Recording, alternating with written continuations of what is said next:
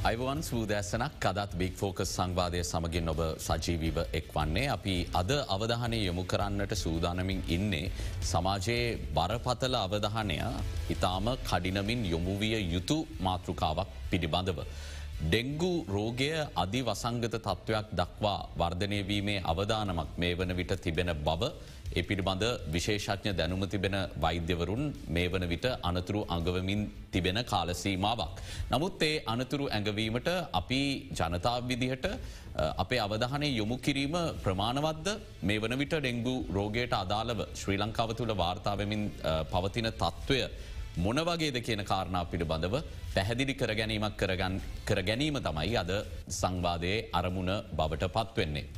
අපිට ඒ සඳහා ඉතාම සුදුසු සංවාධ මණ්ඩපයක් ඇඳවාගන්නට අද අවස්ථාව ලැබුණ. මුඩින්ම පිරිගන්න ජාතික බෝවන රෝග විද්‍යායතනයේ කායක රෝග පිළිබඳ විශේෂඥ වෛද්‍ය ආනන්ද විජය වික්‍රම වෛද්‍යතුමන් අයිබවන් කියල සංවාධයට පිළිගන්න.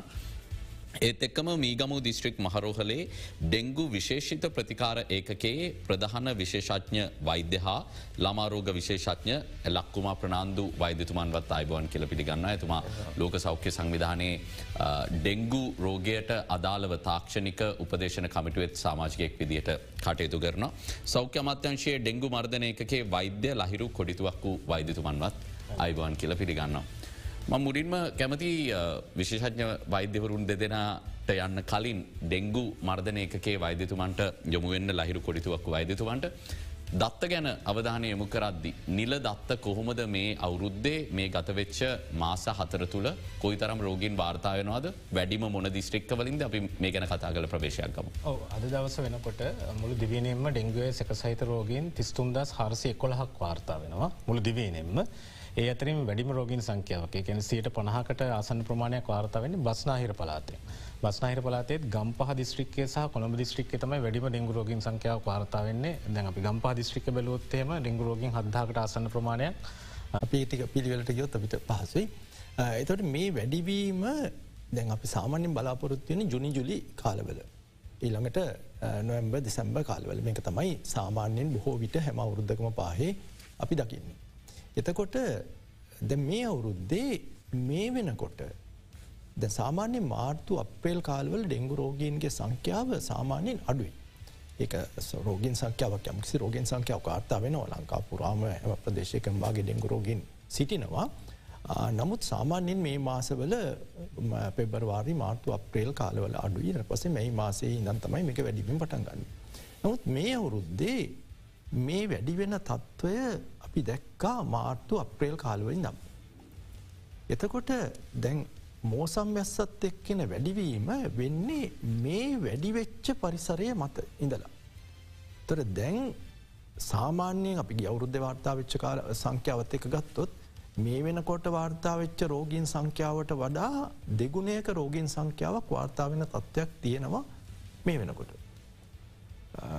අපිට මුල එක මිතම් පටන්ගත්තත් කමක් නෑ ස්ටිකේ. අපි තවත් දර්ශනයකට යම. මං තන තුට වෛදතුමට පැහදිලිව තේරුම් ගන්න පුළුවන්. මුල එය නිවැරදින වෛදතුම ඒක මුලයි නම් ඔව. අන මේ සටහනෙන් කලින් එක. කලින්. මේ සටහනෙන් පෙන්න්නන්නේ ඇතට මේක මේ දෙදස් දාහතේ මාර්තු තිස්සෙක්වනිදා ජාතික ඩෙංගු නිවාරණ ඒකකෙන් Uh, සෞඛ්‍යමත්‍යංශ රැස්වීමකදී කරපු uh, ප්‍රසන්ටේෂන් uh, එක ස්ලයිඩ් එක. තර මේකෙන් පෙන්න්නේ මේ අවුරුද්ධ ඇතුළත රෝගන්ගේ වැඩිවෙන ආකාරය දැඹට පේනවා මේ අවස්ථා දෙකක් තියෙනවා අවුරුද්ධ පටන් ගන්න කොටයි මැදයි. සහ අන්තිම අන්තිමට යන්න තේ අවුද්ධ පටන් ගන්නකොට තියෙන එකම තමයි මේ මෝසම් ඇස්සත් එක්ක වැඩිවීම. එතවට මේ ස්ලයිඩ් එකේ තැන් දකුණු පැත්තේ වැඩිපුර කොටස දාලා තියෙන දෙදස් දාහත්තේ ජනවාරිදම් මාර්තු දක්වා තිවිච්ච කාලය. තත්වේ මාර්තු තිස්සක වෙනකන් තිවිච්ච තත්වේ. බට පේනවා ඒක කොයි තරම් වැඩිවෙන තත්වයකද තිවුණ කියලා. තර මේ තත්ත්වය ඉදිරියට ගිහිල්ල තමයි දෙදස් දාහත්තේ අති විශාල රෝගින් සංඛ්‍යාවක් වාර්තාවන රෝගින් එක්ලක් සසූහය දහක් වාර්තා වුණ අපේ රෝහල් පිරිලා ඉතිරල්ල අපිට කරකයාගන්න බැරි තත්වයකට පත් වුණ අපි ඊළඟ ස්ලයිඩ්කට යොද්දැන් ද මේක සඳහන් වෙන්නේ මේ රෝගීන් සංඛ්‍යාව වැඩිවෙන ආකාරය නැවතත් අපි ඊළඟකට යම් Uh, ද මේ තියන්නේ ලංකාව පහුගිය කාලය තුළ රෝගීන් වාර්තාවෙච්ච ආකාරය. ත ඒකත් එක්ක තැන් හැම දෙදස් නමේ ඉදං රෝගීන් සංඛ්‍යාව එන්න එන්න පැඩිවීමක් වාර්තා වෙනවා. Uh, එතකොට දෙදස් මෙතන පේනවා දෙදස් uh, දාහතේ වැඩිවීම අපි ඊළඟකට යමු මේ තියෙන්නේ දැන් තියෙන තත්ත්වය සහ පහුගේ අවුරුදු තුන එක්ක සංසන්ධනය කරලා. තොර දැන්තියන දැන් මෙතන නිල්පාට ඉරිං පෙන්න්නන්නේ ගිය අවුරුද්ධ තිවුණ රෝගීන්ගේ සංඛ්‍යාව ඔබට පේනවා ජුනිමාසය තුළ රෝගීන් වැඩිවිච් ආකාරය. රතු පාටිරිං පෙන්නන්නේ දැනට තියෙන තත්ත්ේ මේ වර්ෂයේ. ත්‍රපිට පේනවා මේ අර බේස් ලෙවල් එක වැඩි පවතින තත්ව වැඩිය තොර මේ තත්වේ ඉඳල තමයි රෝගීන් වැඩිවෙන්න පටන්ගන්න. තර අපි ඊලකට ගියෝ ඊළඟගේ සංඛ්‍යාවනු සඳහන් වෙනවා මෙතන පෙන්න්න මේ සංඛ්‍යාවන් මේ එක එක සතියේ වාර්තාවෙච්ච සංඛ්‍යාවන් පහුගේ අවුරුදු වල සහ මේ අවුරුද්දේ. තර අපි මැයි මාසේ දැන් අපි පහලොස්සන සතිය වගේ සැලකුවොත් ගිය අවුරුද්ධ වාර්තාවිච්ච රෝගෙන් සංඛ්‍යාව නමසයක් විතර මේ අවුරුද්ධ වාර්තාාවෙන රෝගෙන් සංඛ්‍යාව එක්දා සමසයක් විතර. ගැන දෙගුණයක වැඩිවීමක් තිය. තර මේ තත්ත්වය තමයි දැන් ඉස්සරහට වැඩිවීම පවතින් එතර ඔබට පේන මේ ආකාරයට අපි ඉර ඇද දැ මේක පේන්නේ කොළඹ දිස්ත්‍රික්කේ තත්වය ඒකත් ඒ වගේමයි වැඩිවීමේ ආකාරන්න පවතිනවා. එතර මේකත් එක්ක මේ වැඩිවීම දිගටම ගියොත් ජුනි ජුලි කාලය වෙනකොට ඉතා මධික රෝගීන් සංඛ්‍යාවක් ඇතිවීමේ බඩපතල අවධානමක් තියෙනවා. තිය නිසා මේක දැම්ම අපි නවත්ත ගන්න හැකි සියලු ක්‍රියාමාර්ග ගතයුතු යනවා එහම නැත්තම් බරපතල තත්වයකට පත්වෙන පුළුව. යනුව වෛදතුමන ඔබතුමා සඳහන් කරන ආකාරයට මේ දැන්තියන තත්ත්වේ බරපතල තත්ව උද්ගතවීම නීමිතව තිබෙන්නේ තව මාස දෙක තුනකින් ප්‍රවණතාව අධ්‍යනය දිලම ලබන මාසය සහ ඉළඟ මාසය තමයි මේ බරපතල තත්වය විශාල වශයෙන් ඇතිවීමේ ඉතා බරපතල තත්වයකට පත්වීම ඉඩකට තියෙන්නේ අපි දැම්ම මේ සඳහා සැහැම පියවරක්ම නොගත්තුව. පැහදිලිව යනුව මීගම දිස්ත්‍රික් මහරෝහලේ ඩෙංගු විශේෂිත ප්‍රතිකාරයකේ ප්‍රධාන විශේෂඥ වෛද්‍ය හා ළමාරෝග විශේෂඥ ලක්කුම ප්‍රනන්දු වෛද්‍යතුමන්ට මංයමුවෙන්නේ. ගම්පහ දිස්ත්‍රික්කයෙන් සියට විසි එකක් රෝගීන් මේ වෙද්දි වාර්තාාවෙනවා සමස්ත දිවයිනෙන්ම වාර්තාවෙන් රෝගින් දිහා බැලුවම. මීගමුව ඉතාම බරපතල තැනක තියෙන්නේ ඔබතුමා මීගමුව රෝහලේ තමයි ඩෙංගු විශේෂිත ප්‍රතිකාරයකගේ ප්‍රධානිත්වය දරන්නේ. මොන වගේද රෝහලේ තියෙන තත්ත්වය අපි රෝහලේ තත්ත්වය ගැන අවධානයම කරත්. මම පොසගිය දින දහය අද වෙනකොට රෝගින් දෙසියකට අධික ප්‍රමාණයක් රෝහල්ට ඇතුළු කරලා තියෙනවා. දින දහයක් තුළ. දින දහයක් තුළ. නමුත් අපිට ඇතුල්ලීම සඳහා පැමිණෙන රෝගීන්ගෙන් තුනෙන් එකක් හරි පහෙන් එකක් අතර ප්‍රමාණයක් තම ඇතුල් කරන්නේ ඉඩකඩ ප්‍රශ්නය නිසා සහ ඒගොල්ලන් හැම ඔටම තවටිකක් බලලා ඇතුල් කරන්නට වෙන තත්ත්වය නිසා ඉතින් අපි හොඳට බැලූතින් අපිට හිතන්න පුළුවන් දෙසියක් ඇතුල් කරනවට දාහක් විතර ඇතුල්ලීම සඳහා රෝග ලක්ෂණත් එක්ක පැමිණෙනවා කියලා. ඒක ඒක තමයි තත්ත්ව ඇත්තටම ආනන්දත් තේරුම් ගනි අපි මේ අපිට දැනට තියෙන එකම හොඳයකට තියෙන්නේ දැන් මුළු ලෝ ලංකාවම සියලුම රෝහල්වල ඩෙංගු රෝගීන්ට ප්‍රතිකාර කිරීම කියන එක විශාල වශයෙන් වැඩි දියුණු වෙලා තියෙන. උදහරණයක් කැටට මිටිස්සල තිවිච්ච ලොක්කොම ඩෙංගු අසංගතය දෙදස් දාහත ඊට කලින් තිබුණු අසංගතය තිබුණේ දෙදස් නමේ. දෙදස් නමේ රෝගීන් තිස්පන් දාහක් ඉඳලා තුන්සිය හතලිස් හය දෙනෙක් මැරුණ. තුන්සිය හතලිස් හය දෙනෙක් මැරුණා මේ අවුරුද්දේ ඊට වැඩිය ඩෙංගුවල සංකුලතා පැත්ත වැඩි මිසක් අඩු නෑනේ දානන්ද අපිට පේන හැටියට. මොකද දැන් ඩෙංගු අක්තපා තුන ප්‍රමාණය එන්ඩෙන්න්න වැඩිවෙනවා මේ රෝගේ වැඩිුවෙන් වැඩියෙන් තියෙන තියෙන. හෙම වෙලත්. දැන් තිස් හතරදා තිස්පන්දාහක් වගේ සංඛ්‍යාවකට මියගිහිල්ල තියෙන්නේ දහටයි. මේ අවුරුත්තේ තුන්සිය අතලිස් සෑක් මිය ගියා එම සංඛ්‍යාවටම දෙදස් දෙදස් නමේ දෙදස් නම ඉගෙන් දෙදස් නමේ ඉද මේ අවුරුදු ගාන ඇතුළත මරණ සංඛ්‍යාව රෝහල්වල ඉන්න වෛද්‍යවරුන්ගේ කළමනා කරණය නිසා. ඩෙංගු වැලැක්කීම මර්ධනය ඒව මොකක්වත් නිසානෙමේ ඩෙංගු ප්‍රතිකාර කිරීමේ ක්‍රම විදී වැඩිදිවුණ කරපු නිසා ඒක විසි ගුණයකින් වැඩි අඩු වෙලා තියෙනවා. හැන ඉස්සර කාලි නිමේගිය විස්සකින් දැන් දහ නමයක්ම මිය යන් නැතු ඉතුරුවෙනවා. යනු වෛදිතුමනේ වෛද්‍ය කාර්ය මණ්ඩලවල අත්දැකීම එක්ක ලබපු ප්‍රගතියක්ද අධ්‍යාපනය දැනුම දැනුම බෙදා ගැනීම ප්‍රතිකාරකම වැඩි දියුණු කිරීම සහ හැම එක්කෙනගේම දැනුම වැඩවීම ප්‍රතිකාරකම වැඩි දියුණු කිරීම. හම එකට එක කාරණය එකතු කරන දැන් ඩෙංගු කියල කියන්න අපි කියන එන්ඩමික් ඩිසිස්සයක් කියන්නේ දැන් එන්ඩමික් ඩිසිස්සයක් කියල අපි කියන්නේ ලංකාවගේ රටල්ල ඕනම ප්‍රදේශයකින් ඕනම කාලයකෙද ඕන වෙලාක ඩෙංගරෝගේ කමවෙන්න පුළුව එතකොට ඕක ඩොක්ට ආනන්ද කිව්ව වගේම පාලනය කිරීම මේ දේශකුණික සාධකත් එක බලපාන මිනිස්සුන්ගේ චර්යාවන් එක බලපාන එතකොට පාලනය කිරීමේ යම් කිසි අභියෝගාත්මක කාරයක් තියන අපි මේ දක්තුරට පාලනය කලට පාලනය කිරීම අභියෝගයක් තියෙනවා.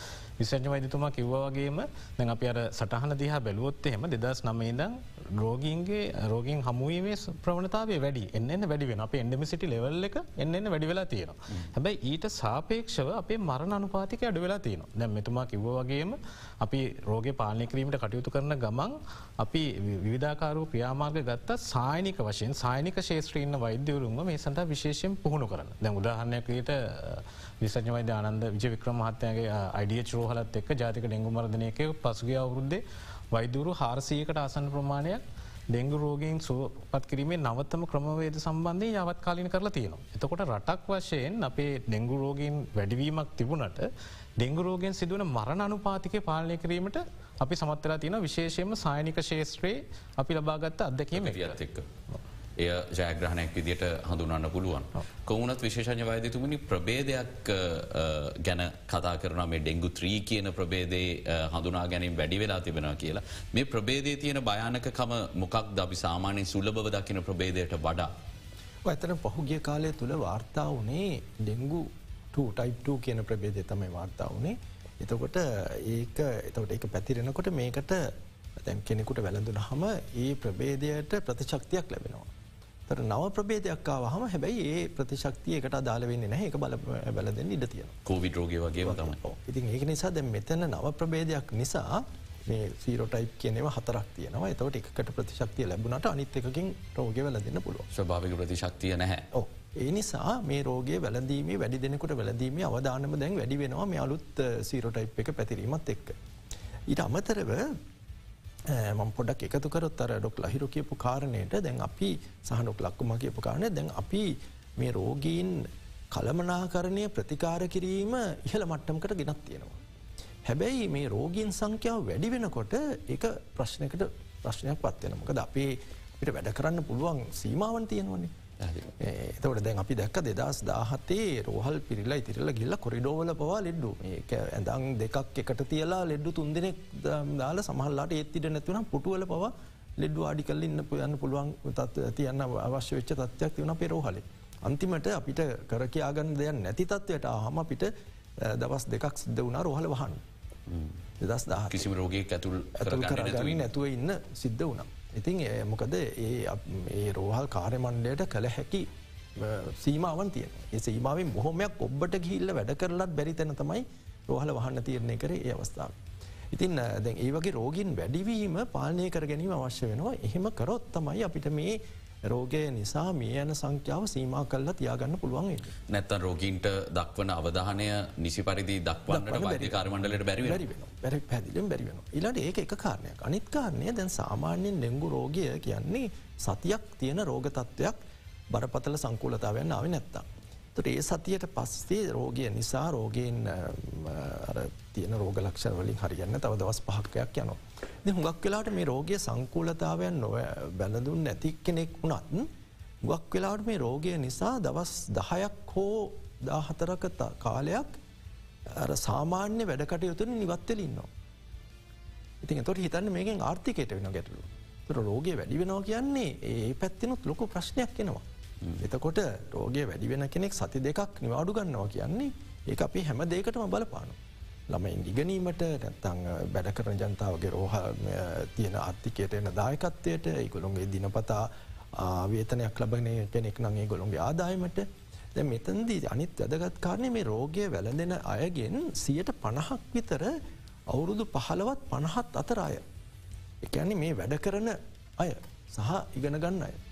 ඉතින් එතකොට එනිසා මේගෙන් වෙන බලපෑම තවත් වැඩි.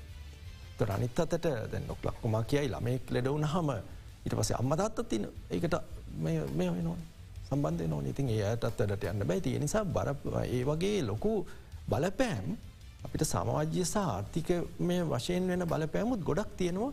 ඒවත් අපි කල්පනා කරන්න ඕන මේ රෝගය පාලනය කරන්න හැම පිවරක්ම ගන්න අවශ්‍ය ඇයි කියන එක හිතනකොට.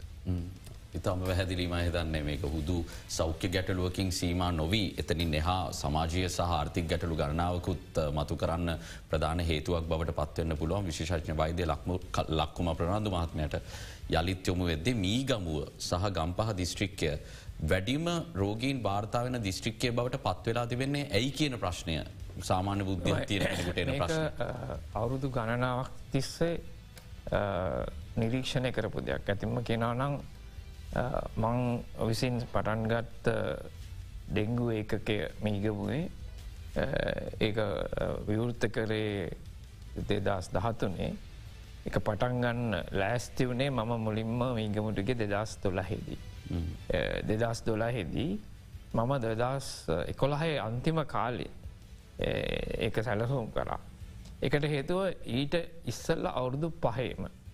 වැඩිම රෝගීන් වාර්තා වෙලා තිබුණ තිබුණේ ගම්පහ මීගමෝ දිස්ත්‍රික්වල මීගමය තමයි වැඩිම අගරයක් හැරයට වැඩිම මංහිතන එකට හේතුවක් ඇති බොදර බෝවෙන්න තියෙන ඉඩ කඩ වැඩිවීම තමයි වඩිම වාර්තා වෙලා තිබතට එක නිසා තමම් මිතුවේ මේ දෙංගු ඒකගේ ස්ථාපිත කරන්න අවුරදු ගානක් තිස වැඩිම ඩෙංගුරෝගෙන් සංඛයක් හිටපු ප්‍රදේශය සුදුසුයි කියලා ඉතින් මමත් එතට ග්‍යාම ඒ අනෝ ඒ දත්ත දිහා බල තමයි එතන එක පටන් ගත්තේ.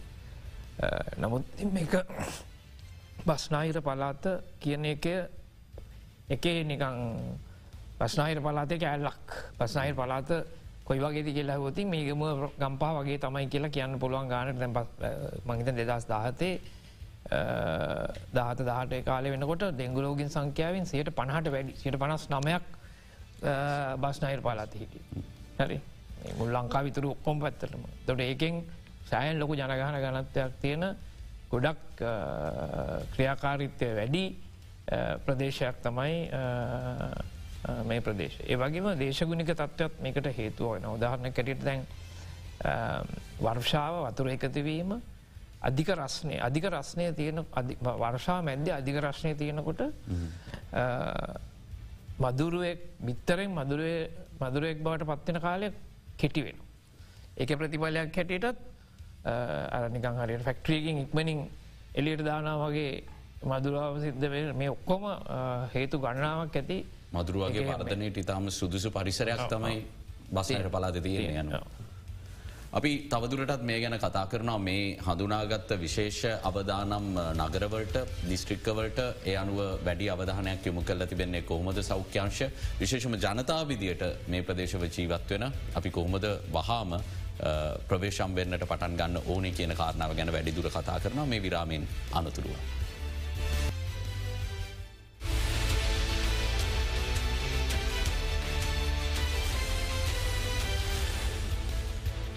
ඔයාලත් බික් ෆෝකස් සමගින් එක්වන් ඉතාම වැදගත් මාතෘකාවකට අවධානය යොමු කරමින් සිටින්න අපි. ඩෙංගු අධීවසංගත තත්ත්වයක් බවට පත්වීමේ අවධානම තිබෙනවා නම් මේ මොහොතේ ඒ අවධානම අවම කරගන්නට රටක් විදිහට වගකිවේතු බලධාරින් විදිට පුරවැසියන් විදිට අපිට පැවරිලා තියෙන වගකී මොනවද කියල තේරුම් ගන්නට අපි උත්සා කරන්න. විශේෂම ඩෙංගු ගැන කතා කරද්දි ඔබ දන්න කාරණය තමයි ඩෙංගු වැලැක්වීමේ එක් පියවරක් විදියට මේ ගෙවත් ආශ්‍රිතව ප්‍රදේශයට මදුරුවන් බෝවීමේ අවධානම තියෙන ස්ථානවලට මදුරු තෙල්ලිසීම නිරන්තරෙන්ම සිදුවච්ච කාරණය මීට පෙරවුරුදුවල අපි නිරීක්ෂණය කලා.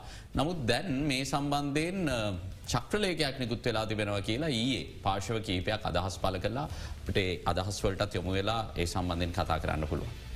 මේ දූමායනය සහ ඩෙංගු මදුරම් බෝනිස්ථාන ඉවත් කිරීමෙන දෙකම සමානු පාතිකව යන්න ඕන එහෙම නැති වුණොත් මෙම රෝගය මෙම අදුරුවන්ගේ ගනතේ පාලනය කරන්න බැහැ. හැබැයි දැන් මේ ඩෙංගු අධිවසංගත තත්ත්වයක් ඇතිවෙන තුරු ඒම ක්‍රියාවලියක් වෙන්නේ නෑ එකට හේතුවක් තියෙනවා පහුගේ අවුරුද්දේ අවසාන භාගයේදී සෞඛ්‍ය අමාත්‍යංශය නිකුත් කළ තියෙනවා ලිපියක් චක්‍රලේකයක් විදිහට දූමායන කටයුත්ත කරන්නට ඕනේ වසංගත තත්ත්වයක් ඇති වුණහම පමණයි කියලා. ලෙනිසා අපි රුජුව ප්‍රශ්න කරනවා මේ තීන්දුව ගත්ත කවුද? තාමත් ඒ තීන්දුවේ එල්බිලා ඉන්නේ අනිකුත් දිවයිනේ ප්‍රදේශවල වසංගත තත්ත්වය පැතිරෙන කංද වෛදතුමන ලහිරු කොඩිතුවක් වෛදතුමන්ටම යොමුවෙන්නේ එවැනි චක්‍රලයකයක් තිබෙනවන එය පිටු පස තියෙන තර්කයමොකක්ද. ඕ ඇතරම චක්‍රලයකයක් නෙමේ දැන් අපි දුමායන කියන කටයුත්ත කරන්නේ වැඩිහිටි මදුරුව මර්ධනය කිරීම සඳහා.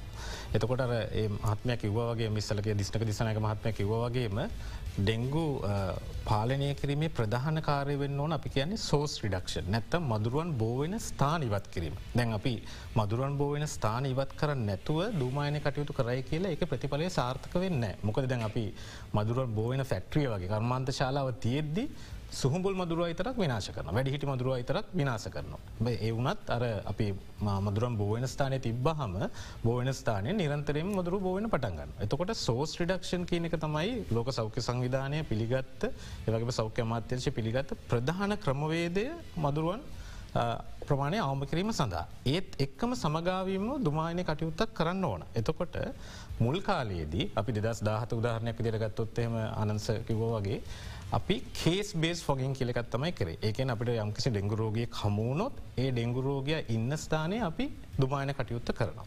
හැබැයි පහුකාලයක් වෙනකොට මේ මෑතකදී ලෝක සෞඛ්‍ය සංවිධාන නිර්දේශ නිකුත් කල තින නිර්දේශයක් නිකුත් කල තියෙනවා කේස් බේස් ෆොගින් නැත්තන් ඒ රෝගිය කමුවෙන තැන දුමායනය කටයුත්ත කිරීම අනෙකුත් ක්‍රමවේදත් එක සාපේක්ෂෝ ප්‍රතිඵලදායක තත්වය අඩුයි කිය. කේස් බේස් ෆොගින් කියන. හැබැයි ඒකින් කියන්නේ මොන වෙලාක දෙවක් දුමායන කටයුත් සම්පූර්ණයම නතර කරන්න ඕන කියලට කාරණය. දුමායනය කරන්න පුළුවන් අපි කියන ඉන්ඩෝ ෆොගින් කියල තින අපිට කියද ඇතම් පෙරිඩොමස්ටික් ෆොගින් කියල තියෙන එකන විධාකරු දුමායන ක්‍රම තියන ඉන්ඩෝ ෆොගින් කියෙන අපි නිවස තුළ ඇතන් නිවස අවටම පරිසරේ. තොට ඔවුන් නිර්දේශ කරන්නේ වසංගත තත්වයක් ඇතිවීම අවධානමත් තියෙනවා නැත්තන් ක්ලස්ට එකක් රෝගින්ගේ පොකුරක් ඇතිවීම අවධානමත් තියෙනවනම් ඒ තියන තත්ව සරකල බලලා ඉවර වෙලා ඒ සඳහ නිර්දේශ දිරිපත් කරන්න කියල.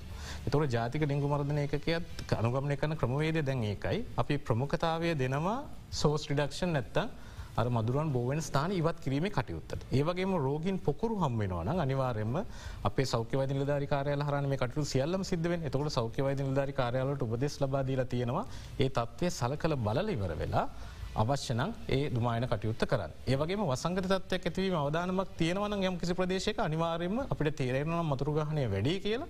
එතකොට දුමායනකට කටයුතු කිරීමේ අවශ්‍යතාවයක් තිය යනු මීගම කොළඹ දැන්නේ දුමායන කටයුතු සිදුවෙන පොකර වශයෙන් හම හැම ස්ථානක අපි සෞඛ්‍ය වදින ධාර කාරයාලට උපදෙස් දීල තියෙනවා. ඒ සෞඛ්‍ය වදින ධාරිතුමල්ලට මහජන සෞඛ්‍ය පරික්ෂපමලට තීරණය කරන්න පුළුවන් ඒ තත්ව සලකල බලලිවරල් ඒ තත්ව සලකල බලල දුමායන කටයුතු සිද්ධ කරන්න. විශේෂඥ වෛද්‍ය ලක්කුම ප්‍රනන්තු මහත්මයට මේ ගැන ඔබත මම හිතන්නේ මේකට විසඳම මේක ඇත්ත තත්වය පිළිගැනීමයි. මම ඔබතුමාත් එක්ක පොඩ්ඩීවට එකඟ නොයනවා ඔබ කියන විදිට මේ සියල්ල සිදුවෙනවා වගේ පේනවා.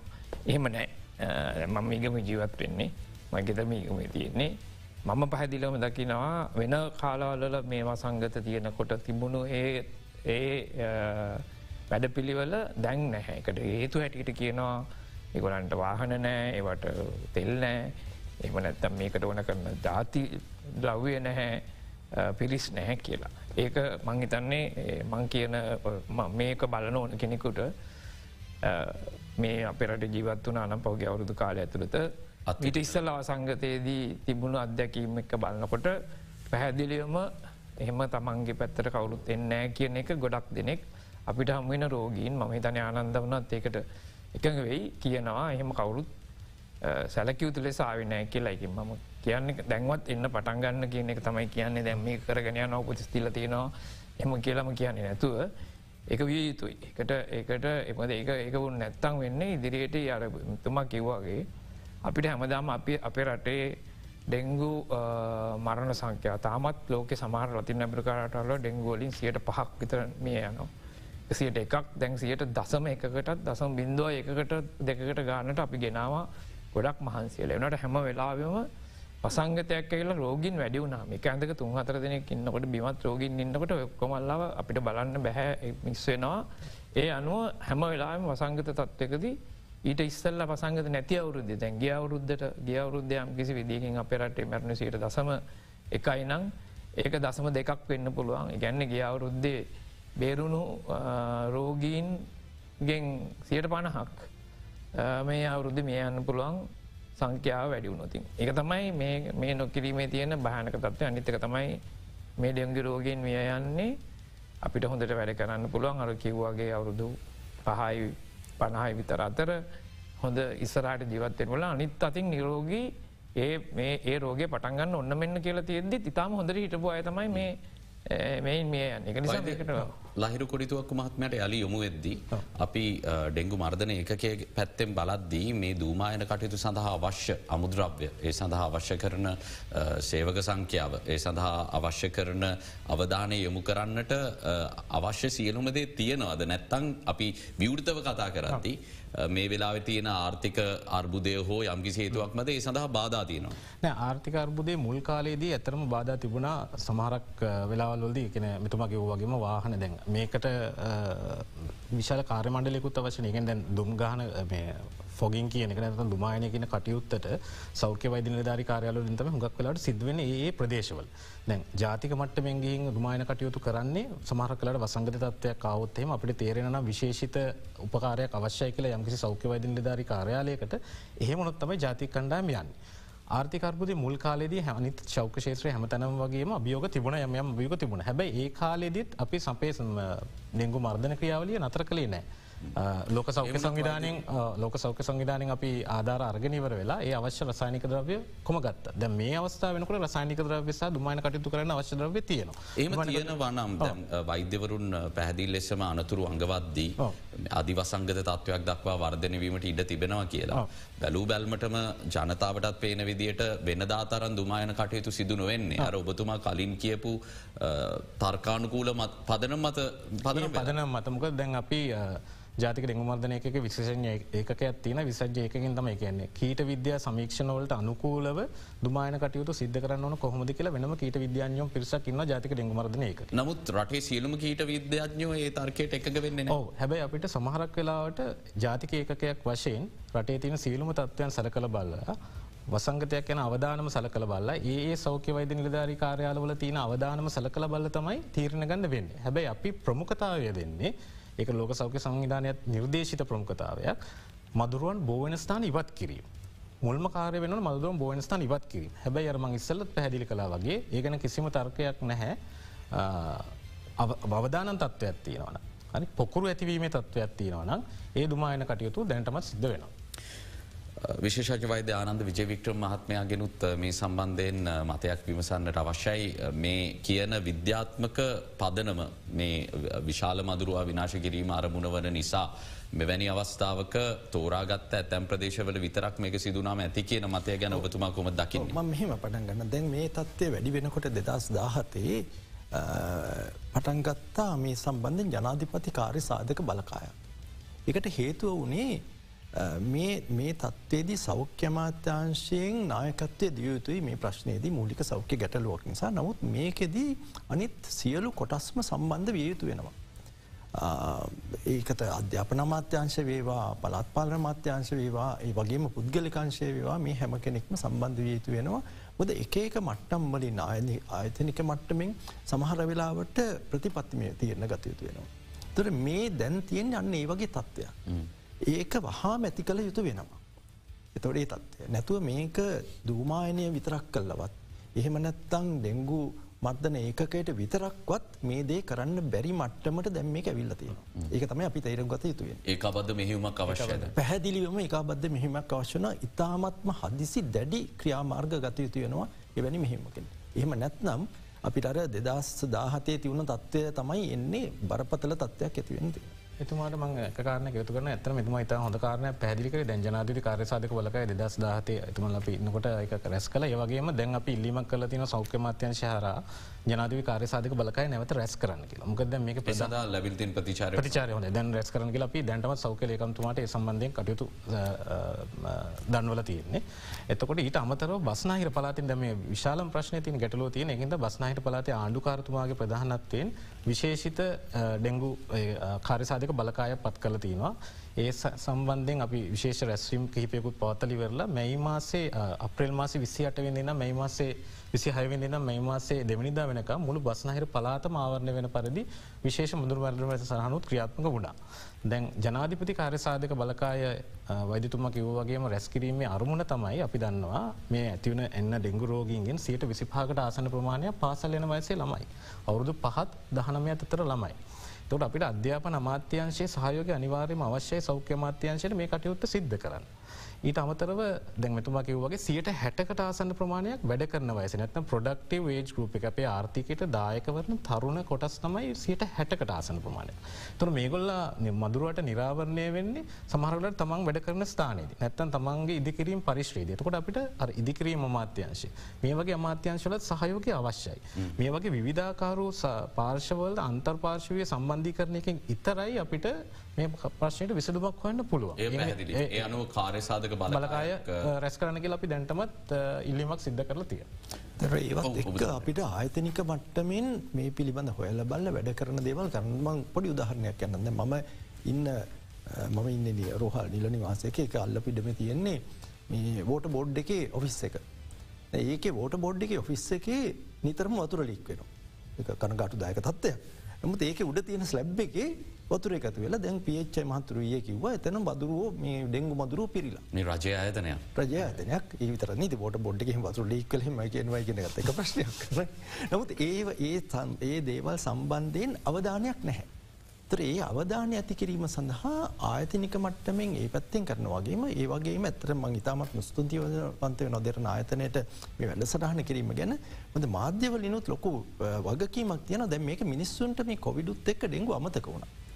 ඉති ඒ නිසා නැවතත් මේක මිනිස්සු අවධිකල් අරගෙන මිනිස්සුන්ගේ ප්‍රතිචාරයක් මේ වගෙන හොයන්න බලන්න ය වැඩි කරන්න අවශ්‍යයනවා ඉලට අනිත් කාරණයක් තවත් එක වැදගත් කාරණයක් අපි මේකෙති දකින්න මේ කසල බැහැර කිරීම. බොහවිට මේ එකතු එන්නේ මේ ප්ලාස්ටික් භාජන නැත්තම සිලි බෑග්වල වතුර එකතු වෙලා මේ වගේ පොඩි පොඩි දෙවල්ල ඇති මේ නිසා නිසි කසල බැහැර කිරීමේ ක්‍රමවේදයක් අත්‍යවශ්‍ය වෙනවා. ති මේක සමහර පලත්පාන ආයතනවල හොඳින් සිදු කරුණට නමු සමහර ස්ථානවල හරිට සිදු කරෙන්නේ. ති මේ වගේ ගොඩක් දේවල් තියනවා මේකෙති හොයල බල්ල කරන්න අවශ්‍ය දේවල්. හම ආමන්ත්‍රණය කළ යුතු අනිවාරය පැදිලිවම රජයක් විදිට ආමන්ත්‍රණය කළ යුතුවෙන සෞඛ්‍යමාත්‍යංශ විදියට ඒකට නායකත්වය දියයුතු වෙනවා. මේක තව බලන් ඉන්න පුළුවන් තත්ත්වයක් නැහැ. ඉති ඒ පැත්තිෙන් එක පැත්තිකින් මන් සතුට වෙනවා. මේ විදියට මාධ්‍ය මේ විදියට මේ පිළිබඳ අවදිවීම සම්බන්ධයෙන්. ඒවගේම මං තවත් පැත්තකින් එක පැත්තකින් කනගාට වෙන පැතින් සතුට වෙනවා. මං මෙත නියෝජනය කරන්නේ ශ්‍රී ලංකා වෛද්‍ය සංගමය. ශ්‍රී ලංඟ වෛද්‍ය සංගමය විසින් මේ පිළිබඳ කර දැනුවත් කිරීමකින් පස්සේ තමයි මේ අවදිවීම සිදුවනේ. ඉති ඒ පිළිබඳ සතුට වෙනවා. නමුත් ඒක ඒක අවදීම සිදු කළ යුතුව තිබුණේ ඊට කලින් ඇත්තට මනිකුත් පාර්ශ වෙන්න එක නම කතාව. ඇති නමුත් දැන් ඒ අවදිවීම නිසා මේ අපි බොහොම ඉක්මට ඉදිරියට ගෙන ඉම අවශ්‍ය වෙන. විශේෂඥ වෛද්‍යවරු නිතාම බරපතල රතු නිවේදනයක් තමයි රටේ ජනතාවට දෙන්නේ මේ නිවේදනය බරපතල ලෙස සහ දැඩි අවධානයකින් අපි ග්‍රහණය කරගත්තේ නැත්නම් මතුවිය හැකි තත්ත්වය කේදවාචකයක් විය හැකි ඔබේ ආදරණීයන්ට ජීවිත අහිමි වෙන්නට ඉඩ තිබෙනවා. ඒ නිසා අපි සිරුම දෙන රටක් විදිර මේ ගැන දැඩි අවධානය යොමු කළ යුතු. ඉතාම වැදගත් හෝරාවක අපි ඉන්න පි තවදුරටත් මේ ගැන කතා කරන කෙටි විරාමයක් ලබා දෙන්න ඉක්මනින්ම අලිත්තම.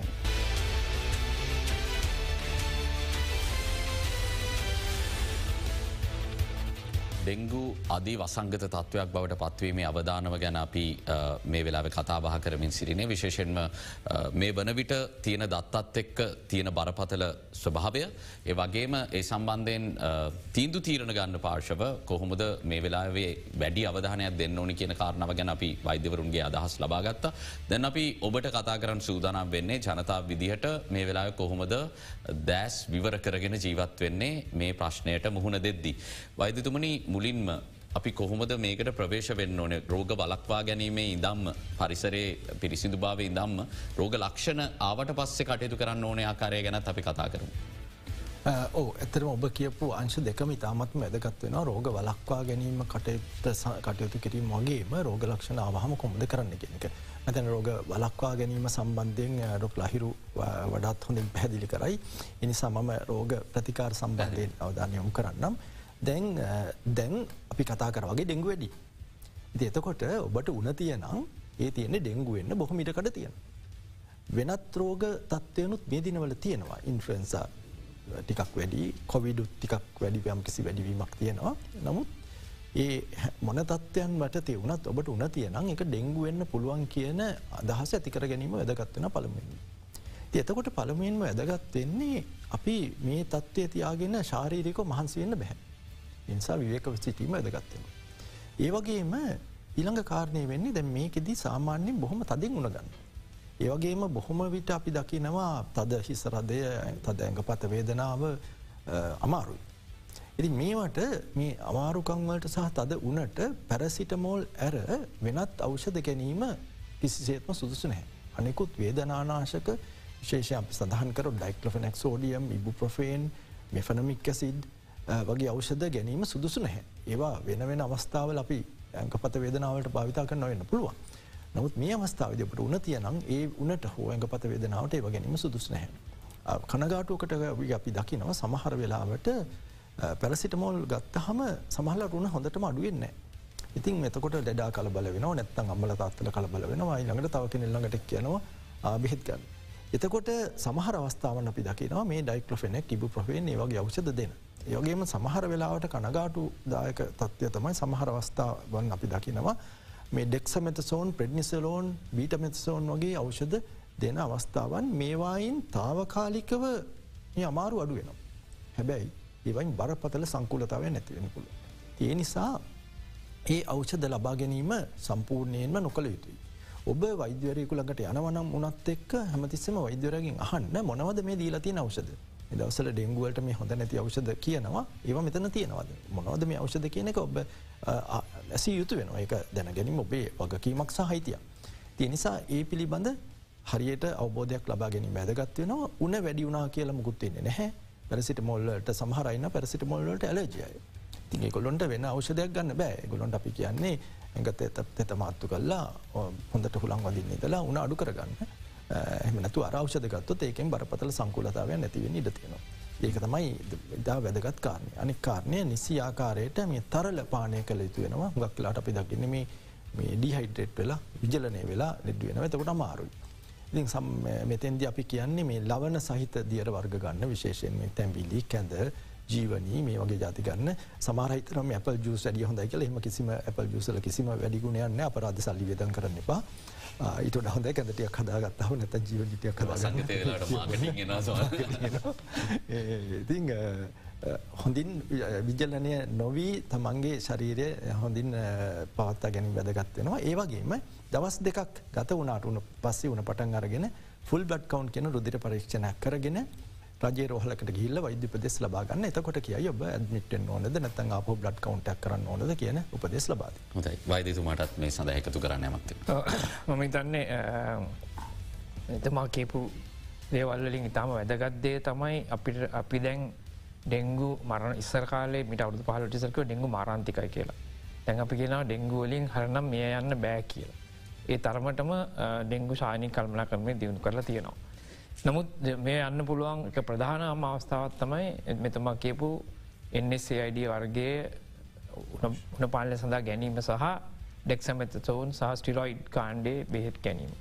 මම ඉල්ලා සිටින රෝගීන්ගෙන් ඔබ ඔබගේ පවලේ වෛද්‍යවරයා හෝ වෙන වෛද්‍යවරෙක් ගාවට ගිහිල්ලා උනට මෙදසර උන කියන එක ඩෙංගුවෙන්න පුළුවන් නිසා උන්නට ඩෙංගු කියන එක බැහැර කරන වෙන්න ඩෙංගු කියන එක මේ වෙන්න පුළ එක එක හේතුවක් වෙලා තියෙද්දී වෛද්‍යවරතුමාගේ හන්ඩි කියලා මේ ජාත ඔබතුමා එතුමාගේ පැකට්ගෙන උදෙන ඒලත් දෙනවා මේක ඇතුළේ අර මැමිදසල දෙන්න හොඳනෑ කියෙන් බේත් තියෙනවාද කියලා රෝගින් අහනවානම් හොඳයි වෛද්‍යවතුමන්ඩගෙන් එතවට වෛද්‍යතුමන්ට පොඩ්ඩක් හරි මේ ගැන ඇතිවෙනවා මේකක්. අනිත් මෙ වෛද්‍යවරුන් දැනුවත් කරන්න වෛද්‍යවරුන් ජාලය. වෛද්‍යවරුන් ගැන් මේ අපේ රටේ ඔක්කොම මිනිස්සු ඕන මැරද්දක් කරන්නේ නොදැනුවත්කමින් මේ එක බරපතලකම නොදැනුවත්කමින්. එක්මද අපි හැම එක්කනටම අපි ඕනම වැරදක් කරොතින් අපිට ඒකරල් මොකුත් උන්නෑ කියලා පාරය වාහන නීතිද අනිත් ඕන එකකදී ඒක කඩකරට මුකුත් උන්නඇතිගේ අදකින් තියෙන තොට ඩොක්ට සොද නලි කවරට දෙනා දන්න මෙ දුන්න උඩත් දෙවල මුකුත් උන්නෑ කියල. එක තමයි ප්‍රශ්නය ගැන වැරදි දන්න ඇතිකවන්නේ වැරදි බරපතලකම කම නොදැනීම. එතකොට ඒක එකක්.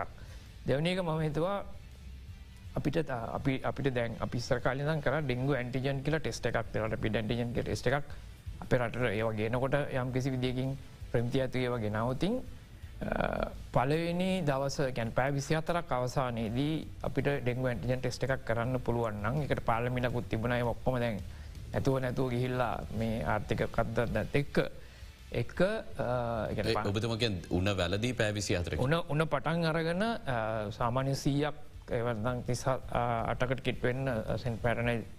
වගේ උනක් තිබුණුතින් පැවිසි අතරක් ඒ වාසනාදීදී ඩෙංගු ඇන්ටිජන් ටෙස්ටක් කරතින් සියට අනුපාකට වඩා චාන්සකක් තියෙනවා තමට ඩෙංගුද කියල දැනගන්න. තවට ඒකම අර මෙතුමා කිවවාගේ වැටයන්න ඇතුව ඉන්න මහන්ස වෙන්න ඇතුව ඉන්න ඉන්න ඉන්න තොට ඒක දැන් විද්‍යාව දියුණුව නත්සක සුලබ හැටියට අපිට පවිච්ච කරන්න පුළුවන් එකක් ඩෙංගුද කියලා දැනගන්න. හොඳයි. මතන වෛදතුන අපිට මිනිත්තුවක වගේ කාලයක් තියෙන්නේ. මේ ප්‍රාදේශීය ආයතනවල වගකීම මොනවගේ කිය අපි කතා කල වැඩසට අවසන් කරම. තැඟර අපි හුඟක් කලාට හිතන්ගටන නිවාස තුළ මදුරම් බෝයස්ථාන වැඩියකි අපිකරපු සමීක්ෂණලින් හේතු වාගනතිනවා නිවාසවලට අමතරව පාසැල් ආගමික ස්ථාන රජයේ සහ පෞද්ගලික අයතන විශේෂයෙන් මේ වගේ ස්ථානවල පොදුරන් බෝවීම හැකියාව වැඩි. ඒවගේ ඉදිකිරීම් පරිශ්‍රවල. එහින්ද අපි ප්‍රාදේශය වශයෙන් අපේ ප්‍රාදේශය සභාවේවා නගර සභාවේවා ඒවගේ ආයතනවලට සෞඛ්‍යමාත්‍යංශය නියෝජතයන් විදිට සෞඛ්‍යවද නිලධාරි කාරයාල හා එක් ඒ තමන්ගේ ප්‍රදේශවල කටයුතු කරගැනීම මදුරම් බෝවීම බලක්වීමේ වගකීමත් තියෙන. වගේ මෙතුමා කියපු කානයට තවක කාරණය එකතු කරන්න මහිතන උන හැදිලම එතුමල කිවගේ පැහතිලිසට යනකට සුසුකන්ලත් වෛදවර සුදුසකම් ලත් වෛද්‍යවරය කමුවීම හෝ රජ රෝහල් රෝහලකට යෑම අනිවාර්ය අවශ්‍යයි ඒවගේම තමයි තමන්ට මොනහරි පරීක්ෂණ වාර්තාව පෙන්න්න කියලා වෛදවර උපදෙස් දුන්නොත් කරුණා කරලා ආයවිලේ පරීක්ෂණ වාර්තාව මහතුරට පෙන්වන්න මොක දුගක්කයි පරීක්ෂණ වාර්තාව වර්ගනිවරල සමහරක් කලාට ගෙදරට වෙලාන්න මේක හොඳයි කියල් Google සච්චයක්කම දාලා බලලිවල මේක හොඳයි කියල ඉන්න වෙලාවල් තියෙනවා. ඒක සමහරක් වෙලාවට සංකුලතා ඇතිවෙන එක අපි හඳුනගන්න දීප පරීක්ෂණයක් වෙන්න පුළුව. ඒක එක ඊළඟට ඩෙංගි එන්ස්වන් එන්ටිජන් වෙතුමා කිවගේ පරීක්ෂණ සමහරලාට නිගටව බුණත් ඩෙංගු හැදීම හැකියාවක් තියෙන ඒක නිසාමතම අපි කියන්නේ නැවතවරක් වෛද්‍යපරයට තමන්ගත පරිශ්ණය පෙන්වන්න. එතකොට සානික වෛදරට පුළුවන් ඒ සානික රෝග ලක්ෂණත් එක සංසධනය කරලිවර වෙලා ඩෙංගුද කියලා තීරණය කර. පරික්ෂණය පස්ස කරලා වැඩක් නෑ. එකත් ඇදගන්න දා සතරක් තුනක් කතර ගිල්ල එක නෙගටව කියලා ඉඳලා අමාරු වැටිච රෝගින් විශාල තින්න හොඳ වෛදතුම මහිතන අපට මේ රෝගය ගැන බොහෝදේ කතා කරන්නට තියෙන විශේෂම අපි අවදානම් සහගත කාල පරිච්චේදයකට එලබෙන නිසා මේ අපි ඩෙංගු ගැන කතා කරන අවසන් අවස්ථාවන මේ අපි බික්‍ෆෝකස් සංවාදය ඉදිරි සෑම සතියකරීම මේ ගැන සමාලෝචනයක් කරන්න මේ ගැන්න ගන්න පීවර ගැන කතා කරන්න බෙන් කරන්න සූදානමින් ඉන්න ඔබට උපදෙස් දෙන්නට වෙන් කරන්නට සූදානමින් ඉන්න. අබේවින්ම සූතිවන්ත වෙන වෛද්‍යතුමන්ලාට අද කාලය වෙන් කරාට. ජන ජනතාව දැනුවත් කිරීම සඳහා. අපි අදට සංවාධයෙන් සමුගන්න හෙටත් සුපුරුදු වේලාවට වැදගත් මාතෘකාවක් එක්ක හමුවමු සුබදිනයක්.